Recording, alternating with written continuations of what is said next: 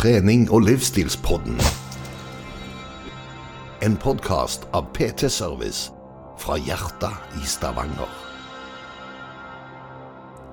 Hei og velkommen til trening- og livsstilspodden med meg, Lloyd Jørg Færvik, og Anders er tilbake igjen. ja, til vars. Se nå, også ett minutt, så at vi direkte Du, du snakket i ett sekund, så at vi fikk det på video. Ja, jeg, jeg har så tenkt litt på det, faktisk. Vi må få med det. Men jeg tenkte jeg lurte på om vi skulle ha med meg T-skjorta. Det står Til på. vars på. Og, du- ja, ja, ja, men du valgte istedenfor ei ganske fin uh, lys T-skjorte. For mm. vi har jo da funnet ut Her er det Er det noen snille folk som kan ta kontakt med oss og fortelle oss hvorfor ISO-innstillingene på kamera ble slått ut av mørke T-skjorter? Dette var noe jeg Jeg fant ikke noe på Google heller.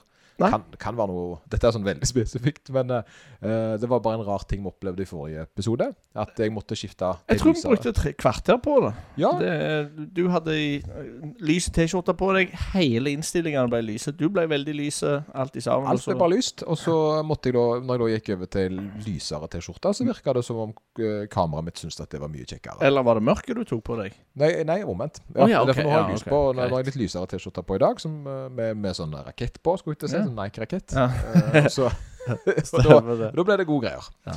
For de eh, åtte som så oss på YouTube Du er ikke sponsa? Nei, nei, nei, ikke Ja, det, altså, men jeg prøver jo. Jeg prøver jo. Ja, ja, Jeg ja. har jo, jeg har jo alltid sagt litt grann det at um, ja, For jeg har jo fått tilbud på spesielt Instagram. Så har jeg Mm. fått tilbud om, uh, om folk og, og, Litt sånn Om jeg ville gå med de klærne og Ja, ja, Så får jeg klærne, da. Hvilke klær er det? Nei, det er sånn turklær. Jeg husker ikke engang Mm. hva merke det var nå. Det burde jeg kanskje huske. Eller kanskje jeg ikke skal huske det. Jeg kan legge det inn seinere. Ja, ja, ja. Men uh, da fikk jeg Det var klær for en flere tusen. Oi sånn. Og de ville ha tre innlegg der jeg tagga de i klærne. Mm. Uh, og og det, det ville jeg ikke, fordi jeg følte at da ble jeg det plagget, da. Uh, Ja. Og det er noe med det. Jeg opplever liksom at jeg skal være en Jeg skal liksom være coach Lloyd, og det skal være en sånn Jeg skal prøve å være så nøytral som bare ho- overhodet mulig. Eh, men så er det jo, så ser jeg jo litt sånn, og så er jeg litt usikker òg, fordi jeg ser jo at andre folk eh, får sponsorer. Eh, og og jeg, det er ikke det at jeg spør etter sponsor nå, ikke misforstå, men jeg, jeg er litt usikker på moralen i det.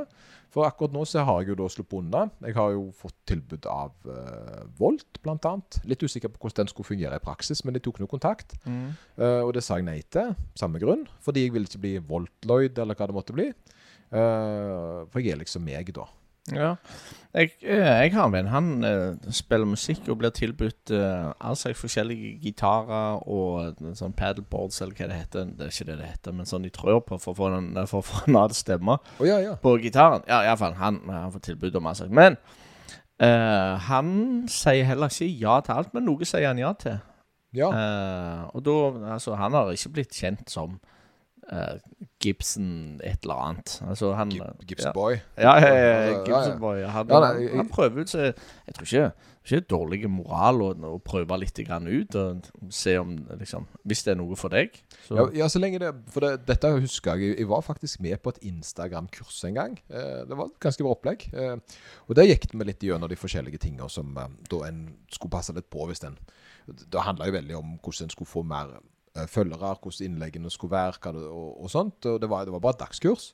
Og da, og da, men da fortalte hun, da, som var en av disse, at hun hadde sagt ja til noe um, som var så langt ifra det hun holdt på med. Og det tror jeg bare at det var en eller annen dings hun skulle selge. Og det passet liksom ikke inn med hennes i det hele tatt. Nei. Men så hadde hun sagt ja, litt fordi hun ikke tørde å si nei, og, og, og, og følte det var veldig ubehag med det. Ikke solgte hun noe særlig heller, fordi jeg vil tro at det ikke passet helt publikum. Mm. Det var liksom ikke det hun holdt på med. Og det var noe sånt eh, elektronisk som ikke hadde noe med hennes eh, mener om det var hest, eller hva det var for noe. ja, okay. Og da Og det er det jeg kjenner litt på, da. At, at OK, for jeg, jeg er jo ikke verre enn at hvis jeg har noe jeg syns er bra, så, så reklamerer jeg jo for det ved å enten snakke om det eller bruke det. Så, så, så jeg blir jo litt en reklameplakat uansett, da. Ja, jo, men det tror jeg ikke altså, det, Så lenge du kan stå inne for kvaliteten, og så lenge du på en måte er komfortabel, så tenker jeg det, er- det trenger ikke være farlig, det. Ja, jeg kan ta en liten historie faktisk om eh, hvordan jeg indirekte ble med på noe sånt for Ja. en, som, som ikke gikk så bra. Ja, det er jo egentlig en god historie, for den har jeg ikke fortalt noen. Oi. Rykende fersk. Ja. Gammel historie, men, eh, men eh, for så vidt eh, ikke noe sånt. Men da var det når, i, når pandemien begynte, så bestemte jeg meg for å rigge til treningsareal hjemme. Det var jo mange som bestemte seg for det. Jeg hadde tilfeldigvis en ganske stor vinterhage som jeg da var bygd om. Og det første jeg trengte, var benkpress. Og da fant jeg tilfeldigvis en produsent i Ukraina som da lagde benkpress på samme mål som de styrkeløftvariantene, da. Og det var Og prisen var OK. Eh, og de hadde levert det, og det var egentlig ganske gode greier. Så jeg fant ut at jeg, må kjøpe en sånn. Ja. Og jeg er ikke verre enn at jeg eh, hiver meg litt på sånne ting, og er ikke så skeptisk. Og jeg hadde ikke noe inntrykk av at dette var noe lureri heller. Og det som da skjer, det er at jeg eh, kjøper denne, og så Det er før pandemien, for øvrig. Dette er rett før. Og så skjer jo pandemien. Ja. Uh, og, og da blir det til at det blir veldig vanskelig å få dette her ut fra Ukraina. Uh, problemet mitt da, det er at jeg har jo da ikke bare kjøpt til meg, men jeg har da klart å si jeg skulle handle, så har jeg lagt flere med på bestillinga. Så jeg har da kjøpt en utstyr til to andre i tillegg, ja. som jeg har vært med å innrede hjemmet til. Og problemet er jo at det, det, går veldig lang tid. Og jeg spør jo, og det er alltid en god forklaring. Tollproblematikk med pandemien og, og, litt diverse. Og det ender jo opp med at det tar nesten halvannet år. Oi. Ja, men jeg får benken. Ja, ja for benken nå etter så lang tid. Og da har jo egentlig alle andre gitt opp. Men jeg har hele veien hatt en god dialog, aldri vært sint eller noen ting. Og så snakket veldig med disse her da. Og det var jo pga. pandemien, ikke sant. Og de kom til slutt og leverte det på døra. Eh, for det var litt det som var konseptet med dette her, at de kom sjøl. Så det var mye sparing på frakt. Ja. Og Da fikk jeg en gave fra dem, og de var egentlig veldig OK. sånn Jeg opplevde det egentlig som en sånn veldig sånn fin sirkel av at lykke, da, at det endte lykkelig. Mm. Uh, og da ble det jo til at jeg begynte å synes dette var en fin historie. Sant? Fordi det gikk bra. Uh, og jeg fikk denne dingsen, og jeg fikk benken. Og så begynte jeg å benke på han. Og da la jeg ut videoer at jeg benka på han. Ja. Uh, og, jo, og, da begynte det produsenten å dele at jeg benka på han. Ah. Ja. Mm. Og da fikk jeg plutselig liksom, ja, litt forespørsel om jeg syntes det var bra greier. og det syns jeg jo i forhold til prisen, så var jo dette bra, et bra produkt. Uh, og da, så jeg hadde jo egentlig ikke noe vondt med å si uh, det er bare å kjøpe. Mm. Bare kjøp den benken, for det er at uh, god kvalitet i forhold til pris billigst. Egentlig det billigste av de gode. Ja. Problemet er jo bare at det er flere som bestiller. Og så skjer akkurat det samme med problemer med, med tollen, og det begynner å holde seg ut. Og da selvfølgelig det er jo en viss annen ting som etter hvert skjer. Det er jo en krig som bryter ja. ut, men det er akkurat samme mønsteret. Mm. og og da begynner jo jeg å forstå at uh, det de nok gjør, uten at jeg er sikker på det, for det kan fortsatt være problematikk her, det er at de da um, at de da sier at de har problemer, til de har fått solgt nok benker til det er økonomisk greit for de å kjøre og levere det. Så de venter egentlig bare til kvantium er stort ah. nok. Det, er det min tanke. Det er det jeg begynner å tro at de ja, gjør. Og de får ikke napp, det er ingen som vil kjøpe, så de blir halt ut og halt ut. Og da er det to stykker som jeg vet om i alle fall, som har kjøpt den benken, som da begynner å spørre meg. Ja. Så blir jeg mellommann da, og jeg har jo ikke jeg har ikke blitt sponsa. Jeg har ikke sagt at det, sant, jeg vil være fronta for dette greiene her, men jeg er da sant, jeg er med på de videoene deres, og jeg har da vært en del av den reklamen, vil jeg si, mot Norge. Så jeg får jo kjempedårlig samvittighet. Så jeg begynner jo å presse på og snakke fint og så liksom det samme, og akkurat samme historien om igjen og om igjen. Uh, og han, som, han ene som har kjøpt den benken der, han er nok litt hissigere enn meg. Så han får jo etter hvert lovnader om at han skal få stang, han skal få pengene tilbake igjen, uh, og han skal få benk. Og det er ikke måte på. Ja. Uh, og han tror jo ikke på det, for det, jeg tror det haler seg ut i halvannet år, altså. Ja. Så du har snakket med en tre års lang historie.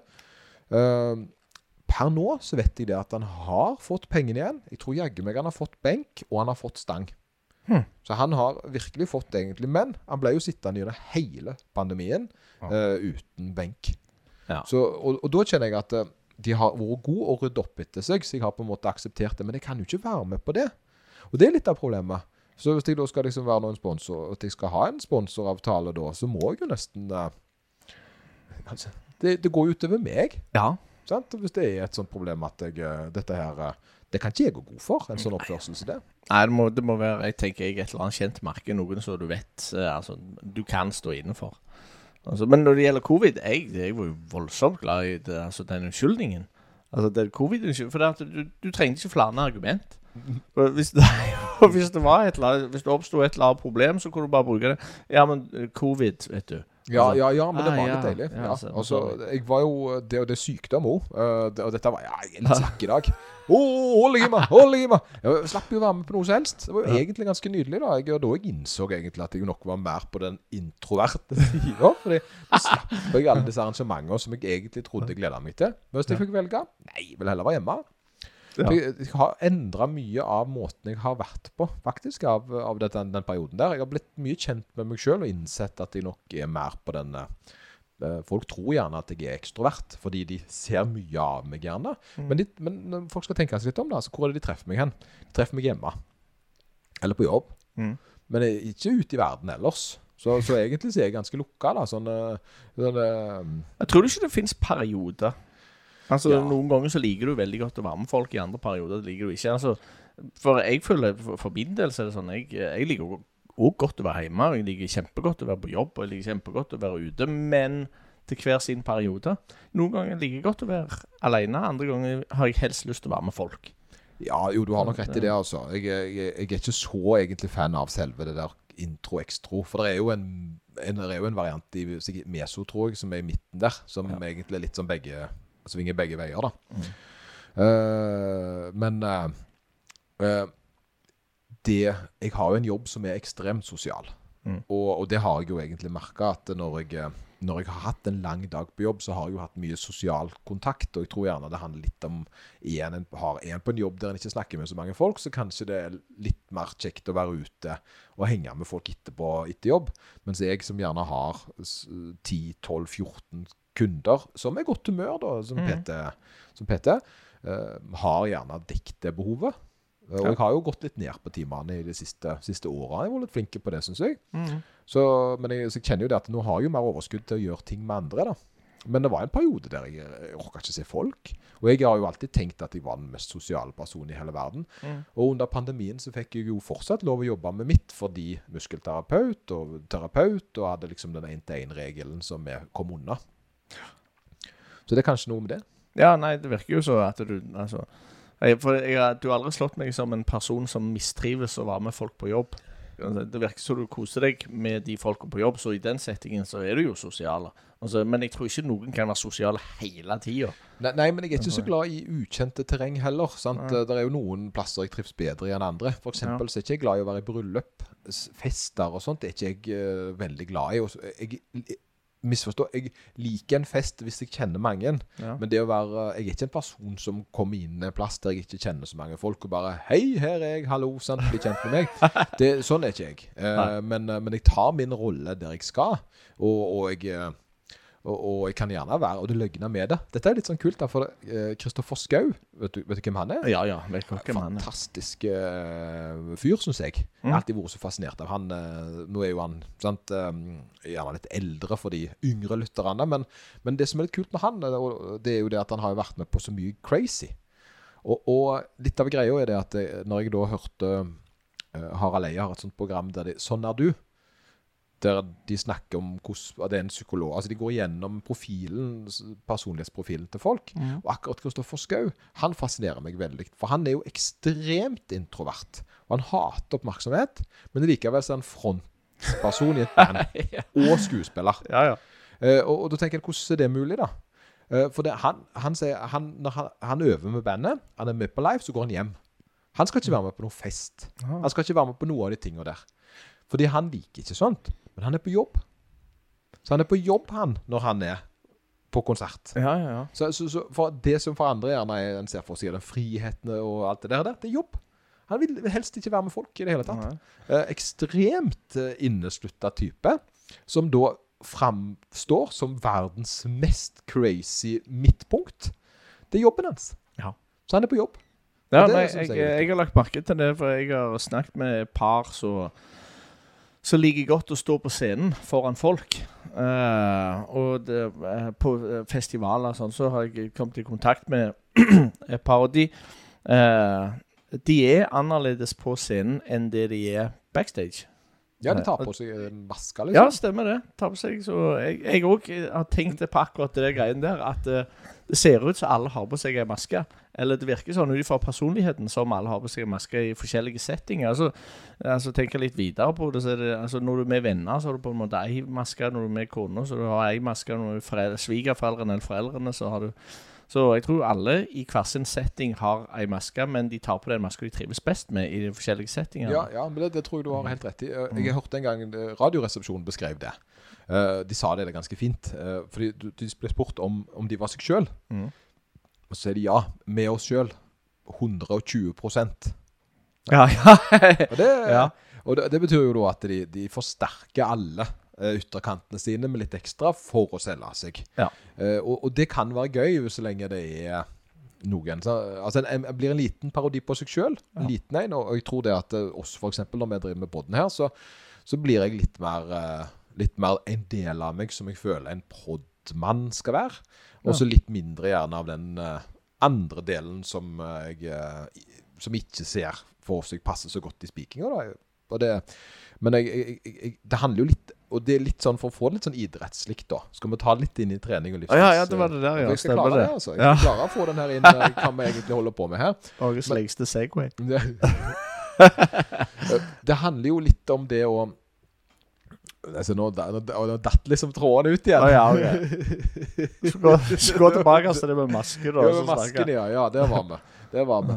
Jo, eh, det er noe med identitet å gjøre. Og det er Jeg har hatt en dialog med ei som jeg syns egentlig var ganske passende her. Og, og hun har all verdens potensial for å bli veldig god i det hun holder på med, og styrkeidrett. Mm. Men hun har vært redd for å satse. Hun har vært redd for å prøve, og hun trener godt og er, blir sterkere, men hun tør ikke være med i konkurranser. Fordi, sånn som jeg ser det, så er hun redd for å feile. Hun er redd for at det ikke skal bli bra nok. Ja. Uh, og den er jo litt sånn uh, at eh, Og jeg tror det at eh, det en må gjøre, det er at en må legge fra seg det med å stå halvveis i døra. Og ikke være så redd for ikke feile. For det at det, jeg, jeg ville ikke gått den døra for å tenke jeg skulle feile, men jeg ville gått inn den døra for å sett hvor langt jeg kom. Mm. Og for min del, min historie da, er jo litt sånn at jeg huska husker jo at styrkeløft var den idretten jeg skulle endelig For jeg hadde følt jeg sto i døra. Jeg hadde stått i alle dørene. Jeg hadde stått i døra når det gjaldt sjakk. Jeg hadde stått i døra når det gjaldt e-sport. Jeg hadde stått i døra når det gjaldt jojo. Eh, Så jeg hadde mange sånne småting som jeg aldri gikk all in på, men jeg begynte å bli god i. Men tørde ikke å satse, fordi jeg var livredd for at hvis jeg satsa, så kunne det hende at jeg ikke var så god. Ja. At jeg aldri skulle bli best. Ja. For den frykten for å ikke bli best, det er den som holder folk igjen for å prøve. Men, men så hva skjer da? Eh, Når jeg da begynner med styrkeløft. Det er at jo, utgangspunktet godt uh, talent. Uh, spesielt i noen øvelser. Benk og markløft uh, utpreger seg. Bøyen går ganske fort. Jeg har en ganske høy progresjon i forhold til folk som holder på med dette.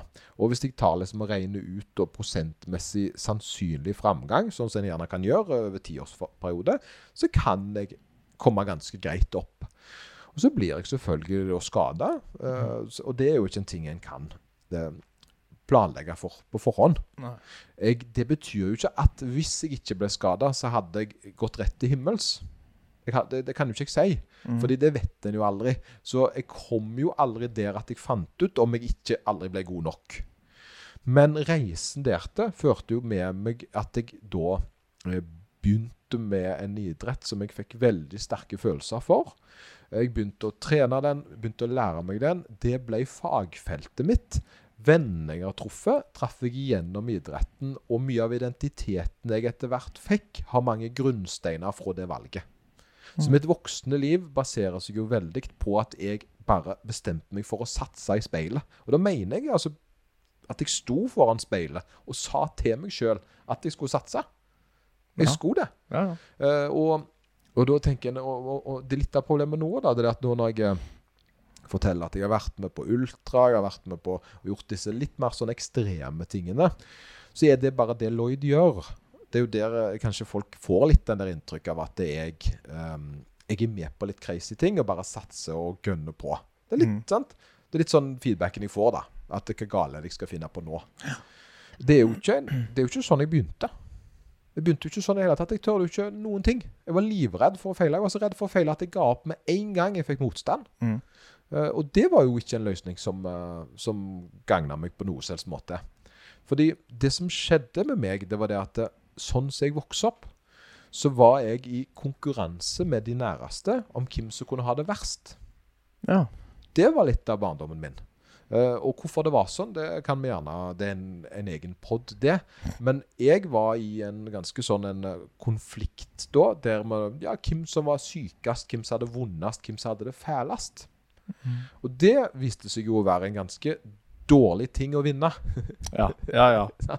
Det var jo ikke noe, var vant ikke noe ideelt. Nei, men jeg leda jo lenge. Ja, ja, okay. leda jo lenge, og, og, og fant, men jeg, så slo det meg jo gjerne at den, den, jeg vil jo gjerne ikke vinne den uh, konkurransen her.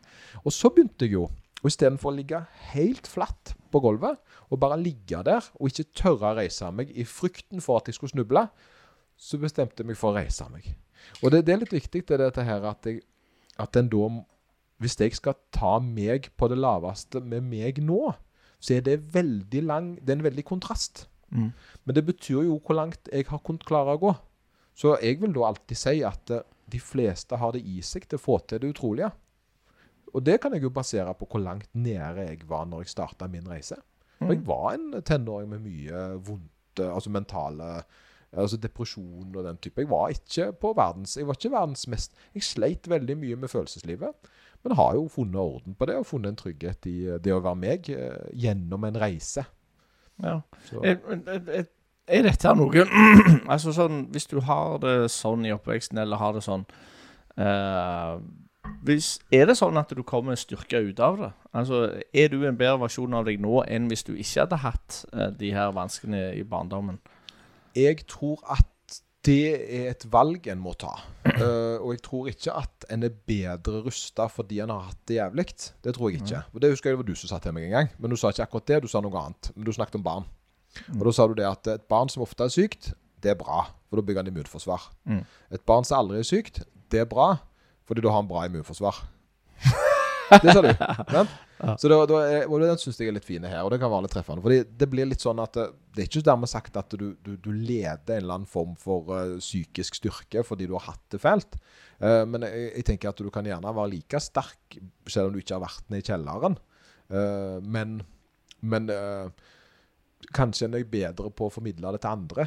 Mm. Det er noe med, Hvis en har hatt en litt mer avansert reise, så er en gjerne litt bedre på reiseplanlegging.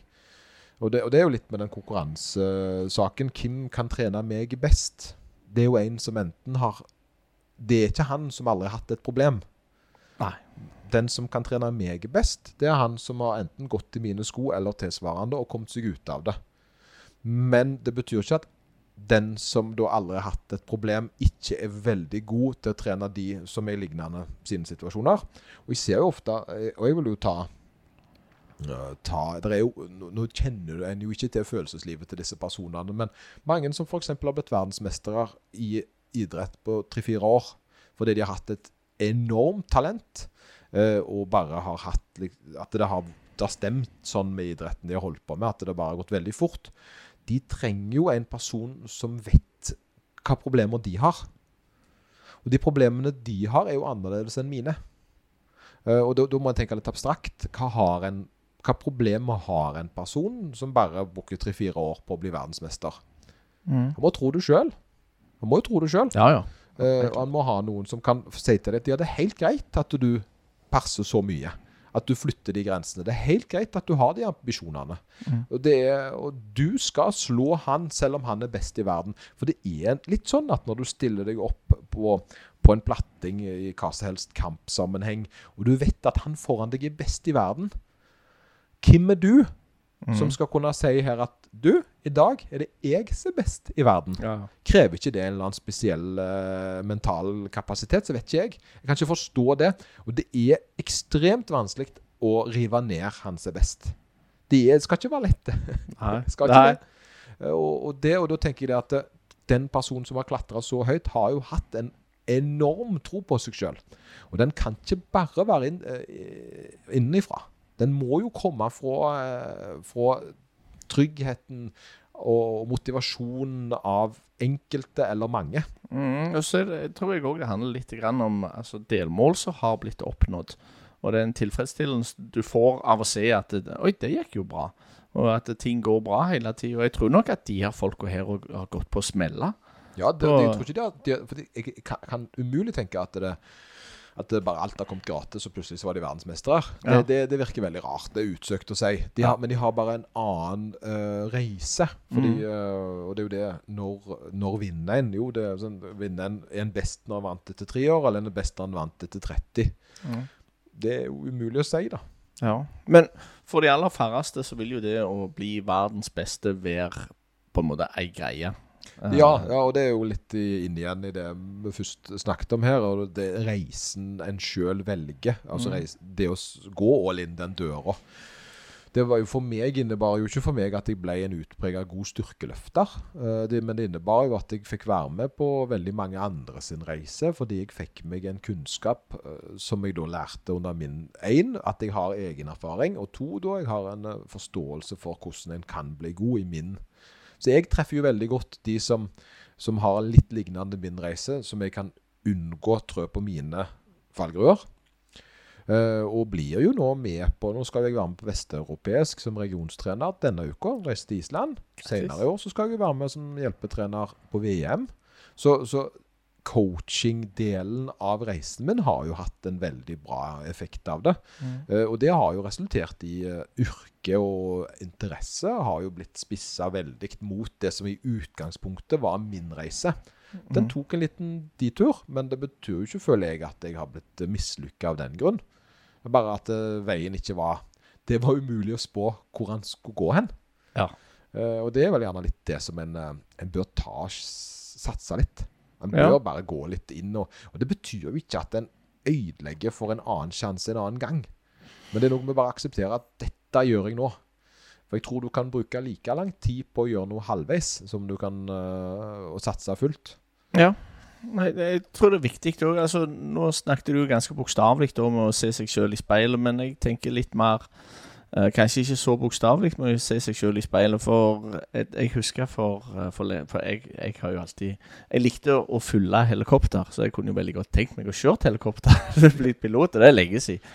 Uh, så da tenkte jeg at vet du hva, jeg tror jeg, tror jeg søker på dette, men jeg fant på masse unnskyldninger for å ikke gjøre det, for jeg visste det at opptaket var jævlig hardt. Det var, det var masse folk som søkte og sånn og sånn. Og det, så, så jeg holdt meg egentlig alltid vekke. Kom på masse unnskyldninger for hvorfor jeg skulle holde meg vekke, men egentlig så tror jeg at det var eh, kun meg sjøl som satte en stopper for meg sjøl. Eh, og det, det verste for meg da, det var det å eh, inns, Altså hvis jeg ikke hadde klart det, så innse det at det var jeg som ikke klarte det. Jeg burde ha gjort bedre og sånn og sånn.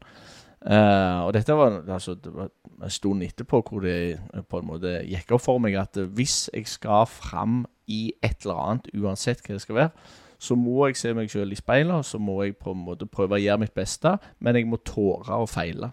Ja, ja, for det er det. Du må tåre nettopp å feile. Mm. Uh, og hva er å feile, da? Det er vel gjerne det en uh, Det er jo Det kan være, altså For min del så var det iallfall det å være, å være dårligere enn andre. Og det kommer jeg til å være egentlig i alt, for jeg er ikke verdensmester i noe. Det, det er ei greie. Det å ikke nå mine egne forventninger, det òg på en måte var for meg eh, Ja. å feile. Men eh, så tenker jeg det er, eh, det er sånn det er. Ja, det er liksom, men det å ikke få nå, nå sine egne forventninger syns jeg er et veldig fint ord, egentlig. Det er en Mm. veldig fin setning. Det, men det er jo det med forventningene, hvor de er satt hen. eh, Og jeg tror jeg har eh, Og det er litt der jeg er sånn jeg vokste opp eh, med far min. Han var veldig god på å sette meg inn i eh, situasjoner som jeg egentlig ikke skulle være i. Eh, Og det, fordi han hadde Enten så hadde han en overraskende stor tiltro til at jeg skulle få det til, eller så var han rett og slett spenn galen. Eh, Det innebar jo at jeg ganske tidlig kjørte ganske avansert maskineri. Gravemaskiner, jeg styrte båt. Altså, Ja. Det var ting som jeg ikke hjula Altså ting som jeg ikke skulle kjøre. Som jeg ikke hadde lappen til. Det var bare sånn det var. Eh, det var greit nå, fordi uh, det var til såpass lenge siden. Ja, For det er ikke 80-tallet nå? Ja, vi snakker 80-tallet. Ja, Ja, og det mener jo, da var jo ikke jeg heller så gammel. Nei. Bare nei, nei. Sant? Var, og, og gjerne tidlig 90-tallet, der en da kjørte. Altså, jeg, jeg kunne, det var, det, det, for å si det sånn, det var langt farligere å kjøre dette redskapene her enn å kjøre en bil. Gjerne kunne nok gjøre mer, mer gale med den Ja. hjullasteren enn jeg kunne gjort med en trailer. Det var ungene nå til dags de har firehjuling, du hadde shovel. Kjørt, altså Hadde det vært et hus i veien, så kunne jeg kjørt rett gjennom. Jeg tror ikke han hadde stoppa. Altså han hadde ikke bremset ned på hastigheten engang. Eh, og, og det kjørte jeg. Og, det, og, det, og tingen var det at det, det var jo veldig logisk hvordan en skulle gjøre det. Det var jo lagt opp til at dette var, skulle gå lettest mulig. Det var ikke sånn at du Nå skal vi gjøre dette redskapet så ulogisk så overhodet mulig. Sånn at når du sitter der og jobber, så skal du slite mest mulig, og kun de beste skal få det til. Ja. Og det var en sånn ting jeg tenkte på. Og det var det, og greit nok, eh, akkurat det med helikopter er gjerne ikke Men jeg vil òg tro det at- enkelt ut, da. Ja, men jeg tror ikke det er så vanskelig å fly selve helikopteret. Jeg sier ikke at jeg klarer å sette meg i et helikopter nå, men hvis du har opplæringen til det, så er det lagt for at det skal være lettest mulig å håndtere. Mm. Så så lenge du vet hva de forskjellige knappene gjør, så tror jeg at det er designet for at det skal være lettest mulig å, å ikke krasje. Ja. det er mulig, Det, faktisk. ja, men det er jo sånn med bil òg. Når, du- når, når du har lært deg å kjøre bil, så er det jo ikke noe ulogisk med å kjøre bil. Det er jo ikke sånn at du må snurre to ganger på rattet før han svinger til venstre. Det, det er ikke noe Du må ikke eh, se vekk fra veien for at du skal kunne bremse. Det er, det er veldig bevisstgjorte ting for at det skal være tryggest mulig for deg som bilist og de rundt deg. Ja. Og sånn mener jeg litt all lærdom og kunnskap er. Så legger du villig til å gå stigene i det, så vil de aller, aller fleste klare disse stigene på normale ting. Jeg tenker det at hvis jeg, kunne aldri blitt astronaut, for det er jeg ikke smart nok til å bli. Der blir matten og alt den skal gjøre, for avansert for meg. Men jeg tror mer normale ting innenfor den her, den ramma som normale folk skal få til, så tror jeg at jeg har like stor sannsynlighet til alle andre. Så lenge jeg bruker tid og krefter på å lære meg det jeg skal lære. Sånn, har jeg, sånn oppfatning har jeg om absolutt alt i livet. Ja. Og, og det har jeg lært fordi jeg ble satt inn til de mest crazy ting som barn, og fant ut av det. Fordi da var jeg ikke redd for å feile. Fordi far min sa det var greit. Ja, ja.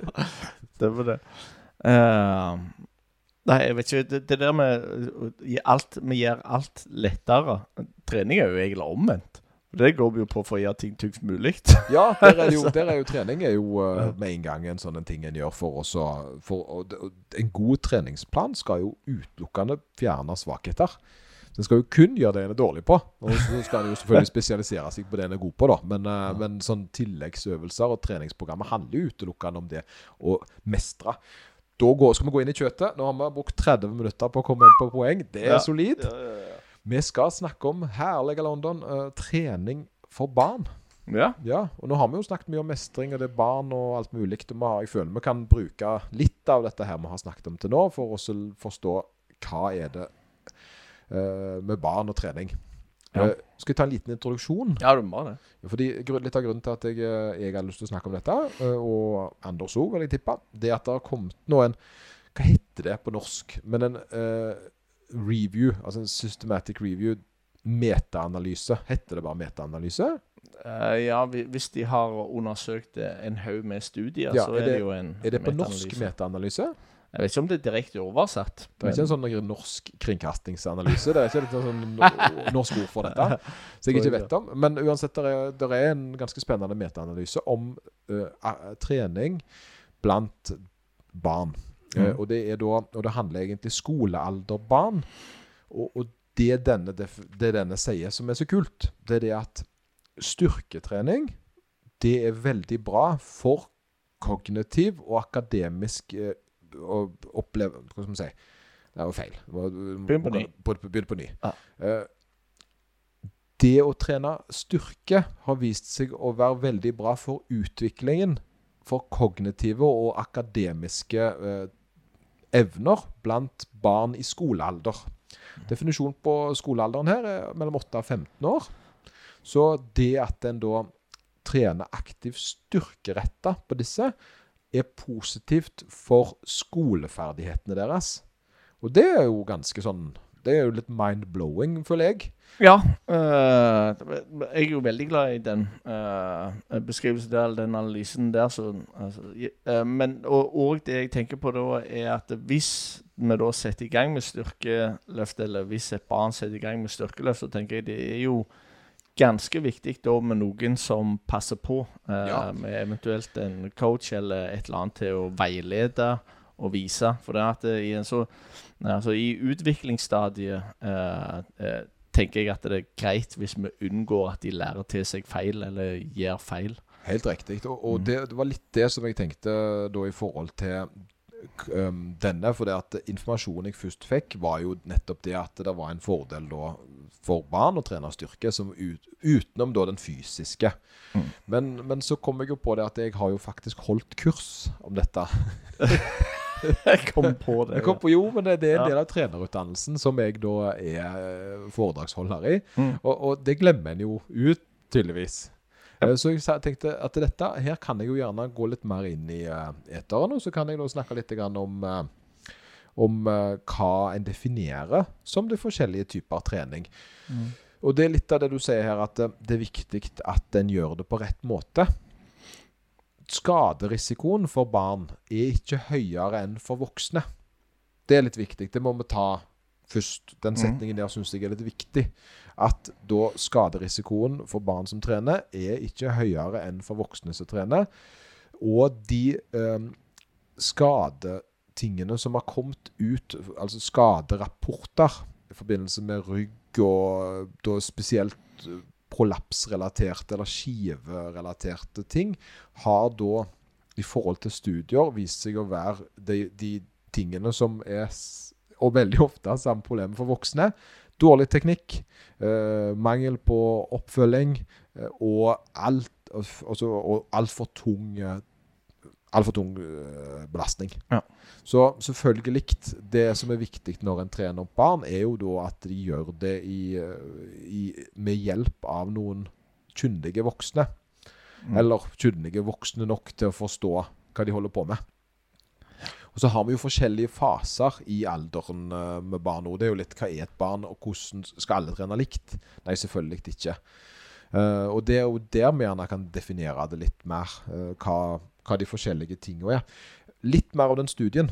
Har du, Mm. har du noe du lyst til Nei, nei, det er bare akkurat det du snakker om, det med altså, forskjellige barn, forskjellige eh, Kanskje ikke mål, men forskjellige eh, Hvor de er på utviklingsstadiet. Uh, det gjelder òg alder. Eh, og sånn som jeg forsto det, så er det altså når de er yngre, så altså, kanskje starte egen, egentlig bare lære egen motorikk, få til den veldig bra. uh, videre, altså start med lavvekt eller egenvekst, uh, egenvekt, og så kan, kan du si plusse på. Så det er sånn eh, De er egentlig sånn som voksne òg. Du må egentlig vokse inn i det. De må vokse, ja, ja. Og det, det, og det, og det for det er en spesifisering på alderstrinnene her som jeg så som egentlig kan være ganske greit. Men nå er jo barn, noen barn er jo mindre barn, eh, eller kortere barn. Noen vokser, noen har eh, Det en gjerne ser på spesielt de yngre, da i veldig lav alder, det er jo det at de har veldig lite finmotorikk. Mm.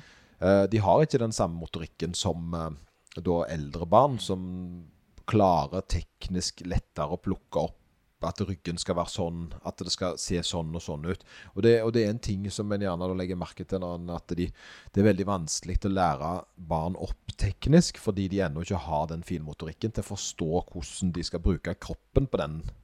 Mm. Det, de klarer ikke å forstå kusa som en voksen gjerne. At du opp med kassen, den, sånn at det blir de, de skjønner ikke, de klarer det ikke da. Og det er jo, og derfor så, og det er der det gjerne kommer inn den innledende fase.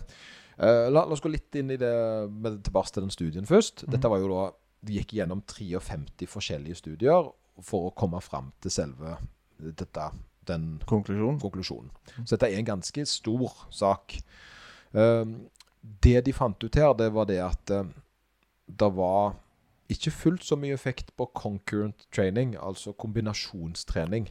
Og det syns jo da de, de som har gått igjennom denne rapporten som jeg leser ifra, som, som er veldig smarte, eh, de, eh, syns jo det er litt rart.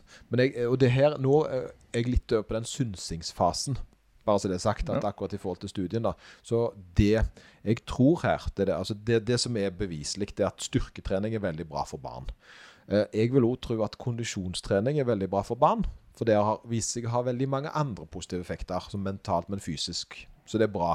Men det da som den studien viser, det er at det, det er ikke fullt så bra med kombinasjonstrening. Og der tenker jeg personlig, og nå er jeg inne på den her, at eh, hva betyr det? For jeg er ikke helt enig. Eh, jeg tror nemlig at det dreier seg om den klassiske gymtimen, der, de er, der en hopper, springer fra stasjon til stasjon og gjør veldig lite krevende ting. Og, og, så at en egentlig ikke har veldig høy puls, eller veldig lenge puls, og en egentlig ikke trener veldig tungt. Mm. At det blir på en måte den konkurrent-treningen som ikke har så stor effekt. Jeg tror det at hvis du enten gjør det riktig, at du trener veldig spesifikk styrke, og så trener kondisjon, så tror jeg det har en veldig god effekt selv, altså på barn. Men jeg tror ikke den her eh, sope i hop lapskaustreninga er så effektiv, fordi det blir veldig vanskelig å klare å utfordre seg på rett måte. Mm. Jeg så jo, altså når jeg var yngre, så det, spiller jo fotball eh, Altså gjorde de her tingene så, altså, som vi kan assosiere med trening. Eh, fikk jo høy puls, fikk jo bedre kondis enn de som ikke gjorde det. Eh, og det gikk jo igjen på de forskjellige idrettsdagene vi hadde. Og sånn, og det, det samme altså det meste vi gjorde, var jo Og du hadde, på, du hadde to grupper eh, i de fleste klassene. Du hadde de som drev sport, en eller annen form for sport, og så drev, hadde du de som satt inne og leste, egentlig. Ja, Så- ja, altså de rett og slett det, det, har du det, Jeg vil ikke si at den gruppa som vi var, som driver sport, eh, er mye smartere enn de som satt inne og leste. Det er vel kanskje litt omvendt. Eller var iallfall. Ja, sånn i forhold til skolære ting. Men, men, da, men der er det jo en med den idretts-IQ-en, da, eller den aktivitets-IQ-en, som gjerne ikke fikk såpass eh, Det å bevege seg og det Ja. å lære finmotorikken er jo Mhm. gjerne noe som en ikke fikk en eh, på grunn av at en ikke var så fysisk aktiv. Ja. Eh, og det er litt av problemet nå med barn, det er jo det at de er nok mye mindre aktive enn forrige generasjon. Eh, og de har nok like, om ikke mer, eh, ikke behov, og at det er for, positive fordeler for de å være aktive, til og med mer enn før. Fordi vi, vi, vi var nok mer aktive både når det gjaldt sykling, vi var nødt til å være mer ute. Det var ikke så mye tilgjengelig innendørs som gjorde at det faktisk var interessant å være inne. Jeg tror det, jeg tror, og det er litt viktig å huske på, tror jeg, at det, det handler ikke bare om at vi var, vi var ikke bedre, men vi hadde ikke samme, uh, vi hadde ikke samme mulighetene. Vi hadde ikke alle de kule tingene. Så hvis vi skulle spille for eksempel skikkelig kule spill, så måtte vi gjerne opp på spillehallen og spille det. Og da var det avhe- avhengig av hvor mye penger en hadde. Og så spilte en litt, grann, og så, og så hang en ut, og så var en ute og sykla etterpå og gjorde ting. Mm. Så jeg tror det var rett og slett litt med eh, hva som var tilgjengelig for oss. Alternativene våre var mye mindre, altså i kortere perioder. Hadde vi hatt iPad på samme måten, så er jeg ganske sikker på at vi hadde vært akkurat like. Ja. Det, det tror jeg. Mm. Men på grunn av det, så, så ser en jo da gjerne at, en, eh, at vi må ha mer fokus på det nå som trening istedenfor lek. At en legger inn mer treningstid, tenker jeg. At en har mer eh, Unger må ha mer fastsatt treningstid fordi leken ikke er dekkende nok for den fysiske aktiviteten i forhold til før. Mm. Husker jeg, måtte, husker jeg skulle uh, piratkopiere spill. Mye ulovlig jeg gjorde. Ja. Uh, og da tok jeg harddisken min, var stasjonær PC. Vi hadde jo ikke laptop på den tid. Nei. Eh, en 4860 X266 for den eh, ene som vet hva det er. Eh, og tok med meg min harddisk. En EID 512 megabyte harddisk. Størst i gata. På sykkelen. Og sykla til Haugesund Åkra. Det var en time sykling, det. Ja. Med den på styret. Holdt den med i hånd. Du hadde ikke korg? Nei, det hadde ikke, jeg ikke korg. Kulinger, altså, hadde korg. Jeg hadde ikke ryggsekk. Det var heller ikke lurt. sant? Nei. Og kunne heller ikke hatt den i lommen. Jeg skulle holde den. Ja. Eh, men, men det sykla jo til der, gama, og så sykla jeg hjem igjen etterpå. For å få spille de spillene. sant? Det, Ja. Hadde det vært internett, så hadde jeg ikke gjort det. Nei. Jeg hadde nei. ikke det. Eh, og vi, vi tok jo fysisk med oss PC-ene og treftes på klubbhus og gama med Lana, som det så fint heter. Ja. Eh, og det, det gjør en heller ikke nå. Jeg husker jo, Det var jo i overgangen der en da gikk over til at det begynte å bli internett. Så noen plutselig begynte jo å sitte hjemme og game sammen med oss. Og det syns jeg jo egentlig var litt forrædersk. Oh, ja. Kunne heller henge med oss. Ja, ja, ja. ja. Og da ble det jo naturlig at vi ble litt leie av det ene spillet, og så tulla vi litt og holdt på med det, og så gikk vi inn i spillinga igjen. Mm. Jeg har sett at det har blitt mer inn igjen nå, og når de lager forskjellige flerbrukshaller, så har de ofte gamingrom eller e-sportrom i dem. Så jeg ser det på vei inn igjen, akkurat det der Ja, e-sport. e-sport er ganske kult. Som jeg tror, for det, Mange tenker nå på det sosiale som å sitte med øreklokke på og snakke med en kompis. Og greit, eh, det er mer sosialt enn å ikke snakke med en kompis på dette. Men hakket videre der igjen, så tenker jeg jo e-sport kan bidra til òg altså, mer det fellesskapet. Eh, Så de får bare ved å være sammen, altså i det samme rommet. For jeg tror det er ikke Altså, jeg tenker ikke helt forræderisk å sitte hjemme og spille, men Nei, nei. men jeg, jeg, jeg har tro nå på at det, eh, det er mer sosialt å være sammen og spille enn å spille eh, på en måte over internett. Ja, jeg òg tror jo det, og vi, Mm. vi gjør jo det. Ja. Uh, så vi, vi, vi, vi syns jo det er kjekkest når vi, vi lager litt middag og Ja, gjør ja. litt ut av det. Det gjør jo begge deler. Men jeg, det, altså, tilbake til eh, det du snakket om. Jeg òg tror at ungene er eh, mindre aktive i dag, og jeg tror det kan være greit å få dem med på type trening som de eh, trives med. Altså, Ja. Så lenge de ikke tenker på det som en, på en måte en oppgave. For eh, i verste fall så kan det ødelegge litt for dem i framtida. For hvis du får dem til å gjøre et eller annet de hater, og du tvinger dem gjennom den greia der, så kan det være de får avsmak, og derfor så kan det være de frastår fra det når de blir litt grann eldre. Ja, rett og slett, for det gjorde jeg jo med min, mitt barn. Eh, Jeg ble jo eh, litt slem forelder og dro han med på sykkeltur. Ja. Eller vil si, han sykla, jeg løpte. Oh, ja. Og så begynte han å synes at jeg løpte litt fort. Eh, og det ble jeg litt irritert på, så, så jeg, jeg fortsatte å løpe. Og han ville jo, var nok litt lat, så han hadde ikke egentlig lyst til å sykle mer. Så det ble jo egentlig det, man måtte, da. Uh, og da dro jeg han med meg en stund. Uh, og det, og det, det resulterte jo i at han ikke ville være med på le over lengre tid. Ja. Han kom jo inn i det igjen etter hvert. Og det var jo litt fordi jeg skulle skulle lære han en lekse, jeg vet ikke. Av og til så får en forsket dårlig parenting. Jeg kan ikke alltid være 100 eh, men grunnen til jeg sier det nå, er jo fordi jeg sitter ennå med dårlig samvittighet for den gangen. jeg gjorde det. det er mange år siden. Eh, Det har vært mye fine øyeblikk etterpå, heldigvis.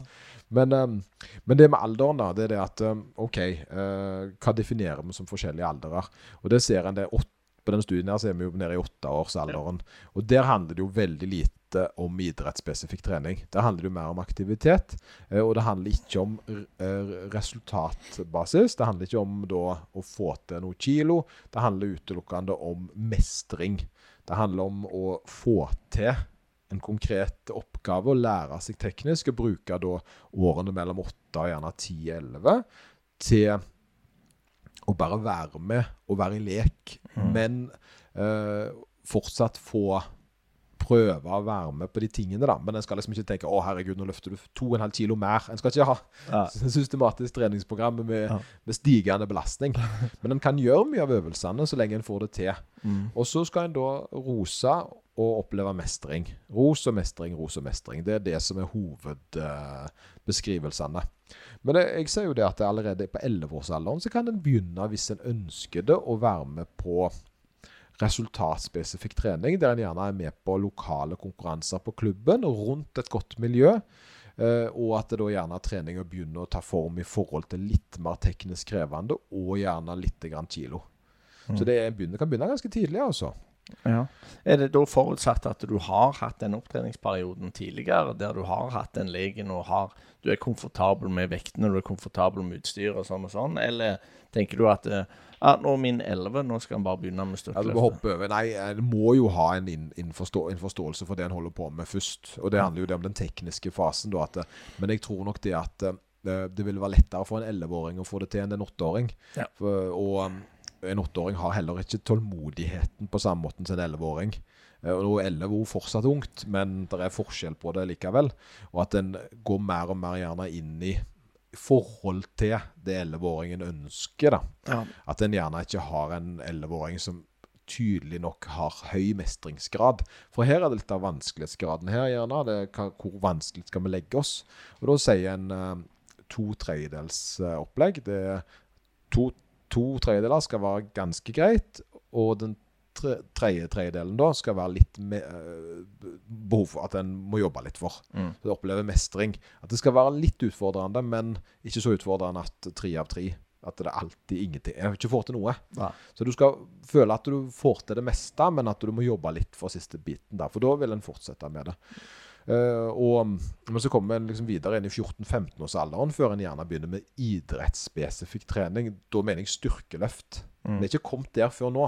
Du tenker mer sånn I 11-12-13-årsalderen så handler det mer om å gjøre øvelser for å styrke kroppen sin enn å drive med en konkret idrett. Mm. Men uh, det er mindre belastningsgrad på f.eks. styrke og det å løfte styrke enn det er på håndball eller basketball eller den type. For det, det, det, det når de skal hoppe og lande hardt og springe og, på harde gulv, er veldig belastende. Ja, bedriftsfotball, det Bedriftsfotball er et godt eksempel på det. Eh, det. Men det er jo en forskjell på det. Og det er jo det at en, en, en, det ligger veldig i folk, det at eh, at styrketrening skal være så farlig blant barn at, øh, at det, det, det er noe man må legge vekk. Som sagt så har ikke de større utgangspunkt for å skade seg enn voksne, men en må jo selvfølgelig tilrettelegge for teknisk, og at det skal være forsvarlig i forhold til hva nivå de er på. Også da i nærmere opp mot 17-årsalderen kan en drive da med satsing. Ja. Det er, da en, det er da vi i Norge driver med satsing i styrkeløft. Det er liksom eh, slutten av ungdoms, ungdomskategorien, som er til og med 18. Og så noen av Norges beste, de er rundt 23 og utover. ja Fins det konkurranser for de som er under det? Ja. Det er Ja. ungdomskategori. Før så har de kalt det for rekrutt, men nå ser jeg det at jeg tror ungdomskategorien har gått lenger ned. Nå skal jeg ikke være 100 sikker på hva alderstrinn den er for å delta, men jeg mener det er 14 eller 15. Okay. At den er, Da kan en være med i konkurranser i styrkeløft. Mm. under samme forutsetningene som voksne. Det er jeg ikke 100 sikker på. for Før så var det noe som kalte for rekrutt, og da var det maks repetitiv. Det var litt andre ting en gjorde, men en var med konkurranse. Ja. Men da gjorde en litt andre ting enn de voksne. En løfta ikke så tungt. En gjorde det heller mange ganger. Ja. At en fikk liksom oppleve konkurransen, da. Mm. Jeg ser den uh, spennet på fokus, eller det, tålmodigheten til uh, iallfall mine unger, uh, virker som ikke helt det det var før i tida. Uh, det er litt mindre tålmodighet. Uh, jeg har jo hatt med mine, og de har fått lov å lufte litt. Grann. Det er ikke noe trening, det er egentlig bare kos med vekter. Uh, og, men eh, jeg syns det er vanskelig, iallfall for min del, å eh, Du skal ikke ha mer vekter på nå.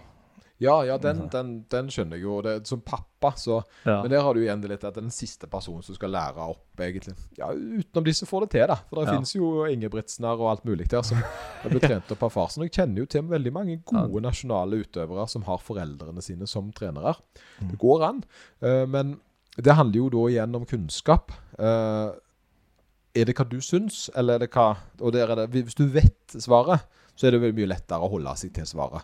Så det er jo gjerne når en da skal trene barna sine, at en leser seg opp på forhånd og finner litt ut hva er Ok, hva, hva, hva, er et godt treningsprogram for min 11-åring? Mm. Og så hva er rammen en skal sette seg innenfor hvis en først skal ville gjøre det sjøl, istedenfor hva en tenker rett. For der har en igjen det. Har du noe kunnskap eller erfaring om dette? Har du eh, basisen til å vite hva som er tungt eller lett for dine barn? Eh, og så er det jo det den utrolig vanskelige, det å være objektiv til egne barn. da. Og du ser jo små verdensmestere i alt de gjør. Altså Hvis ungen min bretter en pose, så tenker jeg verdensmester.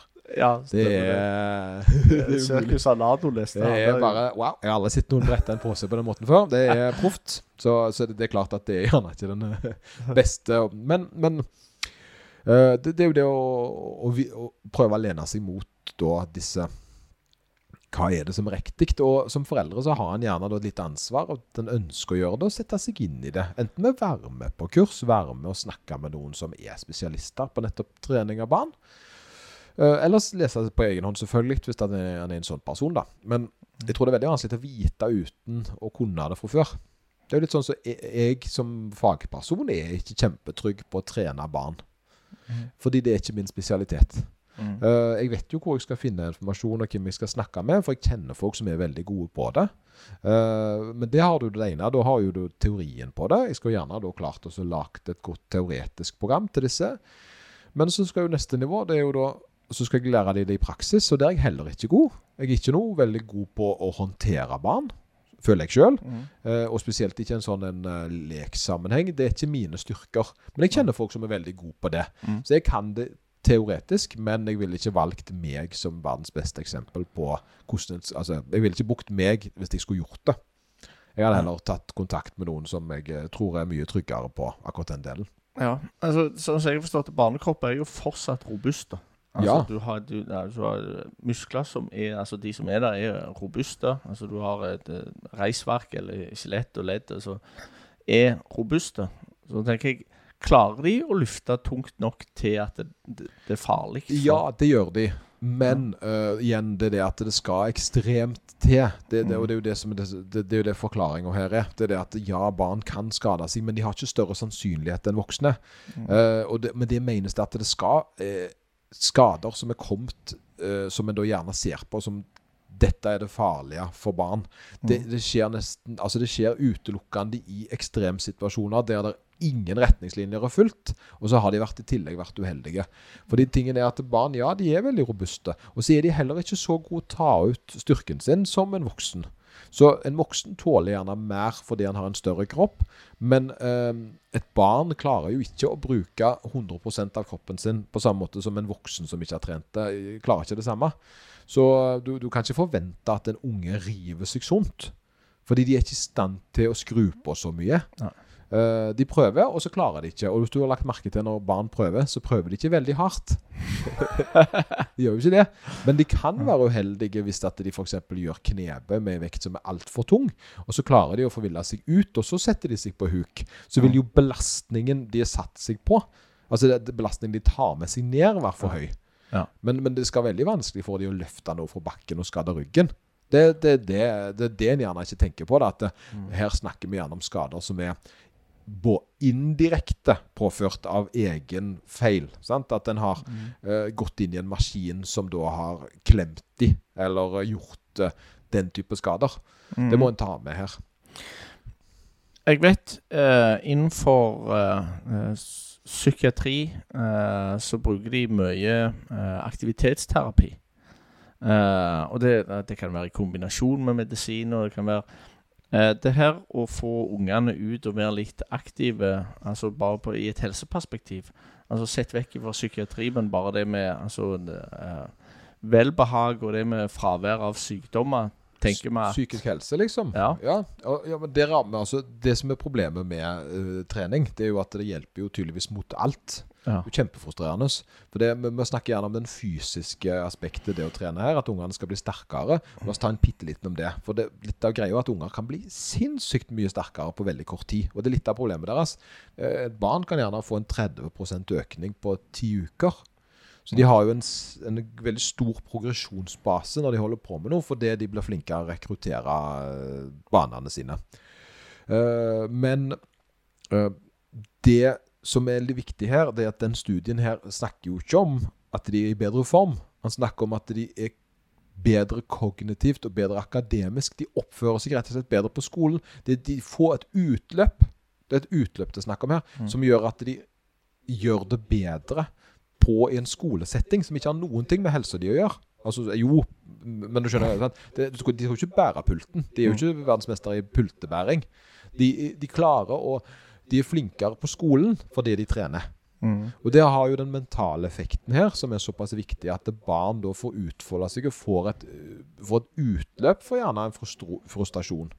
En, eh, og det er det en ser da den eh, effekten her. At det er det det handler om her. Det handler jo det om at det er ikke bare at kroppene til barna blir bedre av å trene. Det er jo en annen ting. Det er jo selvfølgelig Det er jo en selvfølgelig studie at barn har godt av å være aktive fysisk. At de da får eh, Det kan være alt i forhold til vekt, det kan være i forhold til mestrings og alt. Men den mentale helsa til barn, det er jo den vi snakker om her. Mm.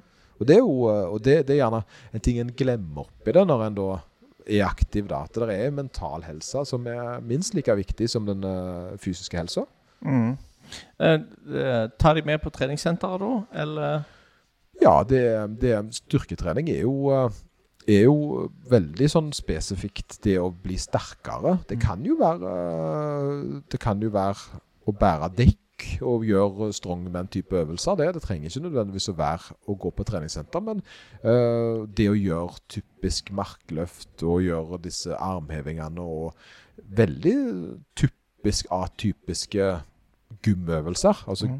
Treningssenterøvelser, er jo da det de har gått igjennom her. Så når jeg ser treningsprogram for 11-12-åringer, så ser jeg veldig mye det er jo knebøy med kettlebells, det er markløft, det er mm. uh, skråbenk Det er ting som er veldig lav vanskelighetsgrad, uh, men og gjerne mye apparater i tillegg. Det trenger ikke være frivekter. Hvordan ser det ut? altså sånn uh, det Programmet, da, vil du si det minner mer om å bygge styrke, eller er det mer hypotrofi? Jeg vil, jeg vil sagt Det som jeg har sett, er mer hypertrofi. Det for det ja. styrke er mer spesialisering. Ja. Uh, men det å bli sterkere, det er jo mm. det det handler om. Å bli sterkere via hypertrofi er jo at en, at en bare utfordrer og utfolder seg uh, med å ha motstand på det en holder på med. Mm. Sånn at en dytter ting som er tungt, og drar ting som er tungt. Uh, men at en ikke skal spesialisere det sånn at en skal bli sinnssykt god akkurat knebøy. Det er jo ikke det en skal. En skal gjerne være god til å at, Men at det er ikke den det er ikke den ekstreme mangfoldet. At en har faktisk litt mindre øvelser som en blir litt bedre på. Mm. Spesialisering, rett og slett. Ja. Så rådet da egentlig å eh, dra med ungen din? Ta med ja. ja, ja. Ta med ungen, og, og, det var jo en annen ting. Eh, tilfeldig, den her eh, jeg leste inn for ikke så lenge siden. Men det var hvor høy prosent Kanskje du har lest den? Men hvor høy prosent eh, hvis, Jeg liker 40% 40 hørtes veldig bra ut. Jeg tror ikke det var 40, men eh, det, men det var iallfall Det kom ut nå hvor Med foreldre som trente, mm. hvor høyere sannsynlighet det var for at barna kom til å være aktive sjøl. Den er ganske ja, Det tror jeg er ganske høyt. Den er ganske høyt, ja. Og, og det, det, er litt med at uh, dette var vel men Jeg husker ikke helt detaljen på denne, men uh, det, det, var egentlig ganske kult. Fordi det handler litt om barn ser opp til hva de voksne gjør. Så, uh, så hvis en tar med på trening, så kan det være veldig bra. Og Ikke nødvendigvis hver gang, men at en viser litt hva en holder på med, og at ungene får et lite sånt innblikk i din verden. Mm. så mine barn de har jo veldig mye. ja, ja. Der er det mye. Stemmer det. Der har du jo både på morssida og farssida og i alle retninger, så er det mm. jo en eller annen form for Så jeg er jo litt spent på hva de velger for noe. Da. Men eh, de fleste Si eh, de, de fleste forhold Er det ikke sånn at ofte begge i forholdet har en eller annen form for trening, eller varierer det? jeg tror ikke det er så vanlig som du tror. Mm. Det, nå er det, det tallet mye høyere, men det er ikke så lenge siden at 16% av Norges befolkning trente på treningsstudio. Ja. Og det er jo jeg, altså, to av åtte, to av ti. Uh, det tallet er nok høyere nå. For jeg vet at folk trener mer nå, men det, det, alle går ikke og trener. Alle er ikke aktive, ser du. Vi er nok heller i et miljø der det er mer vanlig. Så i vår, og det er det som er litt av problemet, at i vår lille eh, Vitro-studie ja. så ser det ut og føles som om alle er aktive. Men vi kjenner ikke alle. Eh, og vi er ikke i et miljø der det gjerne ikke er vanlig å trene på samme måte. Mm. Så det finnes jo andre miljøer som der det gjerne ikke er noe som helst interesse for trening. Ja. Eh, uten at det er et dårligere miljø av den grunn. Alle bør jo være aktive, men, eh, men eh, det er jo mange miljøer jeg kan tenke meg der gjerne ikke trening er såpass prioritert som for oss som, for meg som driver med trening som jobb, mm. og deg som er brannmann. Så det er klart at vi har noen Vi er ikke, vi er ikke folk flest. Nei. Vi er en del av en befolkning. Ja. Det er litt viktig å huske på. Akkurat. En minoritet, rett og slett. Ja, det, men det tror jeg vi ja. Det tror jeg at vi. Jeg tror ikke halvparten av Norges befolkning er veldig fysisk aktive, altså. Det, uten at dette vet jeg ikke.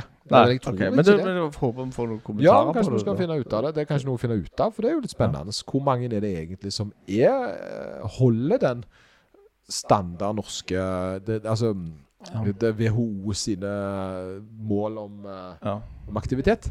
Hvor, eh, hvor, mange er det som gjør det, og hvor mange er det som har lyst? Det har ja, ja, det er spennende. Ja, ja. Men jeg husker jo det, dette her med sannheten bak uh, trening. Uh, alle trener fire dager i uka, men sannheten er jo at alle har lyst til å trene fire dager i uka, og har trent fire ganger ei uke. Ja, ja De aller, aller fleste det. dropper fredagsøkta, Ja, for da er det taco. Ja stemmer det. Eh, Det det tror jeg passer er- ikke så godt i sammen. ja, det er så litt godt å være hjemme og slappe av akkurat den dagen. Det ser jeg jo. Så Ja. det er jo litt for, uh, for spesielt interesserte. Ja, ja, ja, men er Hiver de seg proteinpulver, så kan det være de strenge tacoen. Det, Ja, proteintaco. eh, ja. Sånn, eh, hva heter den der nye formen for protein? Det nye, er det kollagen? Kollagen. Å ja, du, du. Nice. nice. Ja, ja, ja, vi hadde et par uh, kommentarer om hva vi skulle snakke om på forhånd. Uh, og da var vi jo snokte litt innom kollagenprotein. Ja. Uh, og, for det er jo kommet litt info om den. Kollagenprotein, hva er det? Jo, det er jo egentlig protein som de, mye fra hud og hår. Og de, de, dette er en ting alle gjør som er så festlig. De kommer til meg springende og så sier de «Åh, Vet du hva jeg har funnet ut? Det er jo 60 gram proteiner i bacon crisp. Og det er jo mye fett òg, men, eh, men jeg òg gikk på den smellen der og tenkte oi, så mye proteiner. Jeg har funnet en hemmelig proteinkilde. Ja. Men hva type protein er det? Nei, det er da kollagenprotein, som da er hud og hår. Fordi hva er bacon crisp, da? Det er hud og hår. Jeg var ikke klar over? er det ikke det? Og nå ble jeg litt usikker sjøl. men det er jo eh, selve ytterste laget på grisen. Baconflesk, ja. Baconflesk, ja. Mhm. Ja, sant? Og den ytterste delen der. Det, oh, ja. Ja, OK. Det, nå er jeg ferdig med Nå er du ferdig med å og google det bare for, ta mens jeg snakker her. Du Ja, snakker om kollagenprotein, for nå eh, vi ikke driver med vranglære. For nå siden du ble så usikker, så er det jeg som tuller. Men uansett, det, jeg vet jo fortsatt at hva kollagen er godt for. Selv om jeg da kanskje ikke vet hva bacon uh, crisp er laga av. Uh, kollagenprotein er jo da en type protein som en kan kjøpe, som, har, uh, som det har vært tanker om skal være bra for da spesielt ligamenter. Uh, da ikke muskelvevet, men det muskelvevet festa fast i, uh, i beinstruktur. Uh, og, og der har det kommet noen studier ut nå som viser det at dessverre har ikke noen ekstra effekt eh, i forhold til tilheling hvis du har skada deg eller trenger restitusjon eh, på, eh, på det i forhold til vanlig proteinpulver. Og styrketrening. Det er styrketrening som er den beste måten å løse ligament-issues. Og så har da det ikke vist seg å være noen særlig effekt av å ha spesifikk kollagenprotein i forhold til de studiene som er ute nå, da. Men vi venter litt på mer spennende studier der. Kun positivt i uh, in vitro-studier, som er da er sånne uh, dråper oppi glassbeger. Så det er veldig sånn, Vi er egentlig ikke så glad i de studiene, for det at de er svært sjeldent overførbare til mennesker. Men de kan være, så det er jo gjerne sånn det starter. Ja, eh, kollagenprotein er laget av hud, hår og andre vev i kroppen. Det er viktig protein som finnes i forskjellige deler av kroppen, inkludert hud og hår, negler, brusk, sener og bein. Ja. ja, men det var bra. Du vet hva kollegien er. Men nå var det bacon crisp. Det var det vi skulle finne ut av. Ta så Sjekk bacon crisp, da. Ja, ok. Hva, what is bacon crisp, Ja, ja. Anders? Ja, for nå driver vi jo med, nå driver vi jo med samtidsforskning her. det er jo litt greit å få det bekrefta før en sier det, da. sånn. Jo, men jeg alltid eh, Så nå er jeg spent på om at det er jeg som har bomma litt. Har du funnet det? Nei, han vet ikke hva det er for noe. Vet du hva bacon crisp er? Uh, hva heter det? Baconsvor? Ja. Det er jo noe som heter Det vet jeg og det var kjempegodt, husker jeg. Det spiste vi mye av da vi var små. Med alle var baconsvor.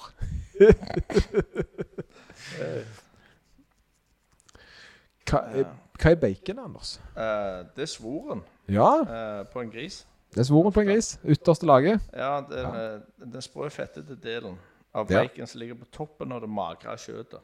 Ja, det er huden og, hu, huden og det nederste. Ja, da ser du det. Nå lærte vi noe nytt i dag òg. Ja, Du, du, du kommer aldri mer til å spise bacon, du, nå? Nei, nei, ikke, jeg, skal ikke, jeg skal ikke søke mer på det heller. Det, det, jeg får bare la dette være på en måte sannheten av oss. Ja, har du, har du eh, opplevd det at eh, ø, ø, sånn nysgjerrigheten din har tatt overhånd, og så har du googla noe som du ikke burde google?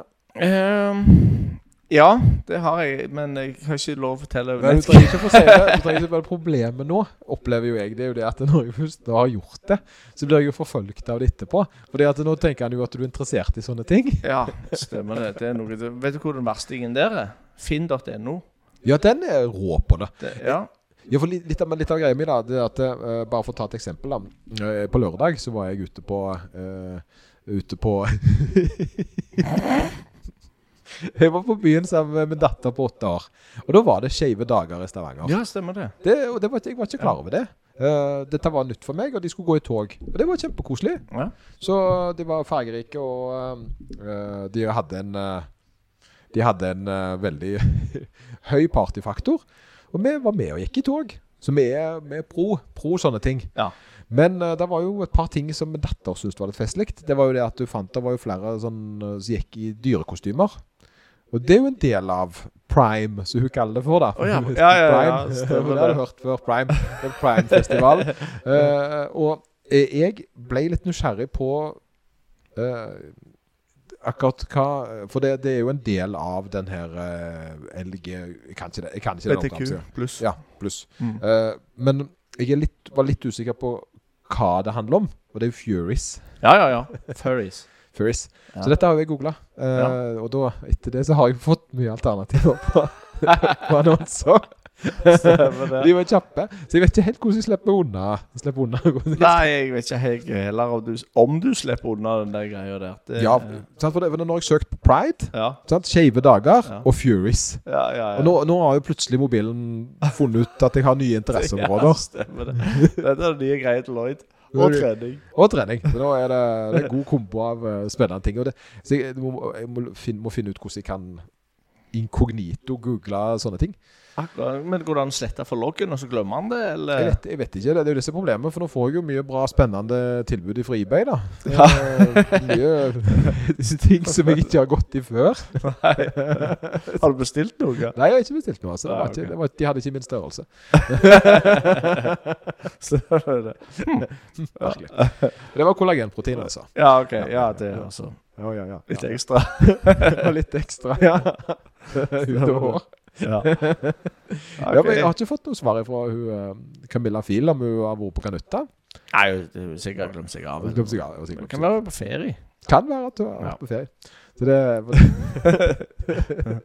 Det siste, jo, eh, ta en siste sånn en liten eh, ting som jeg kom på. For det var jo noe som du lurte litt på sjøl. Det er jo trening og faste. Ja. Eh, for du gjør jo det av og til. Ja, ikke, ikke jo, altså, jo, det gjør jeg. Men eh, ikke noe jeg gjør bevisst. Det er noe jeg gjør av meg sjøl. For er Glemmer å spise før. Ja, ja, ja. Ikke Ofte er det Jeg er ikke sulten, og så er det bare noen tilfeller at eh, kroppen kommer på at eh, nå må du ete. Og så Å ja, ja, fasing, det har jeg glemt av. Og Ja. så, og så Eller jeg får beskjed av kona, eller eh, noe iallfall skjer at jeg finner det med. Middag er f.eks. et godt klikk ut at den må du ete. Å ja, ja, stemmer det. Sånn var det, ja. Sånn var Ja, det. og så, men i mange tilfeller så er det Nå vet jeg at vi skal snakke om eh, trening og fasting. Altså trening på tom mage, f.eks. Ja. Eh, og før vi bare kommer inn på den med hva det som skjer, og hvordan fungerer det, og sånn og sånn, så har jeg opplevd at det fungerer for meg veldig fint. Men Nå er det tom mage, så jeg vet jo ikke om kroppen er tom. Jeg vet bare at jeg har ikke spist på en stund.